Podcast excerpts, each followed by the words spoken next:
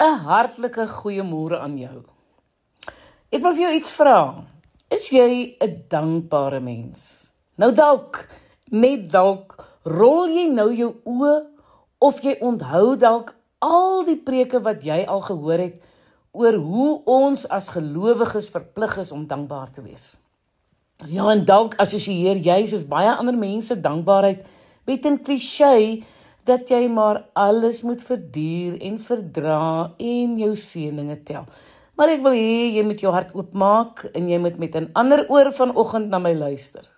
1 Tessalonisense 5 vers 16 tot 18 sê: "Wees altyd deur bly, bid sonder ophou, wees in alles dankbaar, want dit is die wil van God in Christus Jesus oor julle." Nou kyk, Daar is al baie navorsing gedoen oor die positiewe uitwerking van dankbaarheid op liggaam en siel. Maar baie spesifiek speel dit 'n rol in die positiewe bedrading van jou brein. Het jy geweet dat vrees en dankbaarheid mekaar totaal en al uitskakel? Dis onmoontlik om te vrees terwyl jy dankbaar is.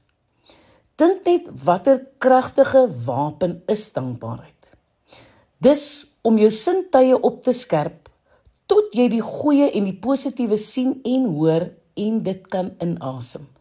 Jy begin skielik dinge wat al die tyd daar was raak te sien. Jong, jy begin die klein dingetjies wat met jou en om jou gebeur as geskenke uit die hemel raak te sien. Dankbaarheid is op sigself 'n gawe wat oorvloed en vreugde en genade en wonderwerke laat gebeur. Wat jou verander omdat dit jou gedagtes vernuwe. As jy dit met oop oë en oop hande doen, leer dankbaarheid jou hoe om te ontvang en dankie te sê. En dan, ja, dan is jy reg om dit weg te gee vir ander, want dis wat 'n mens met 'n genade doen. Jy ontvang dit En omdat jy so 'n oorvloed daarvan ontvang het en die oorvloed raak sien, gee jy dit uit na ander mense. Maak jy tyd om die gesonde gewoonte van dankbaarheid te oefen. Kyk, dankbaarheid is beslis 'n gewoonte wat 'n mens kan aanleer en oefen.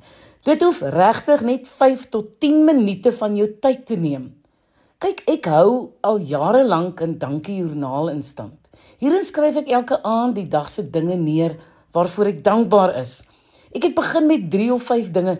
Jong, maar toe ek eers besef dat ek elke uur van die dag so baie dinge beleef waarvoor ek dankbaar is, het my lysie vinnig begin groei. Ja, en soms betrap ek myself dat ek vir my uitdagings en probleme ook sommer dankie sê want dis hulle wat my laat groei en sterk word. Begin bietjie met so 'n dankbaarheidsjoernaal en kyk hoe dit jou dag en jou gedagtes verander. As ek my dankietyd afskeep, voel ek sommer vinnig dat iets nie reg is nie. Dis asof ek nie my oë behoorlik uitgewas het nie. Ja, ek het ontdek dat my gedagtes en my oë die twee belangrikste dankiekanale is. Ek het besef dat ek nie kan dankbaar wees as ek nie vir my kyktyd en dinktyd in my dag inwerk nie. Dis wanneer jy dieper kyk dat jy God in die klein dingetjies raak sien. Dis wanneer jy nadink oor sy goedheid dat jy by verwondering oor die lewe uitkom. As jy glo dat jou verlede jou nie beheer nie, dat jy nie 'n slagoffer van jou omstandighede is nie, maar wel die skepper van jou eie toekoms, kan jy frustrasie inruil vir dankbaarheid. Jy kan besluit om hierdie gesindheid in stand te hou en te oefen Maak nie saak wat om jou en met jou gebeur nie. Jong jou liggaam en negatiewe emosies sal stelselmatig besef dat jou denke in beheer is. En as jy dit reg kry, sal jy beloon word met die goedvoelhormoon oksitosin wat fisiek die are in jou hart vergroot en jou nuut maak. Dankbaarheid vat hande met liefde en verbind jou met die groter liefde en krag van God. Jy sal ook spontaan hierdie groot geskenk met ander wil deel. En hierdie proses maak 'n mens gesond en dit maak verhoudings heel. Moet dit nie langer uitstel nie.